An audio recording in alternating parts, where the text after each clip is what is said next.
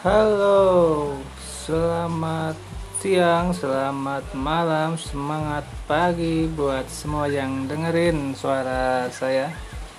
Saya Obe, eh, saya mau cerita. Cerita masa-masa sekolah ya, di mana waktu masa sekolah kita pasti tidak bisa melewati hal-hal yang namanya dengan cinta. Walaupun sebagian orang melewati cinta itu nggak di waktu SMA ya.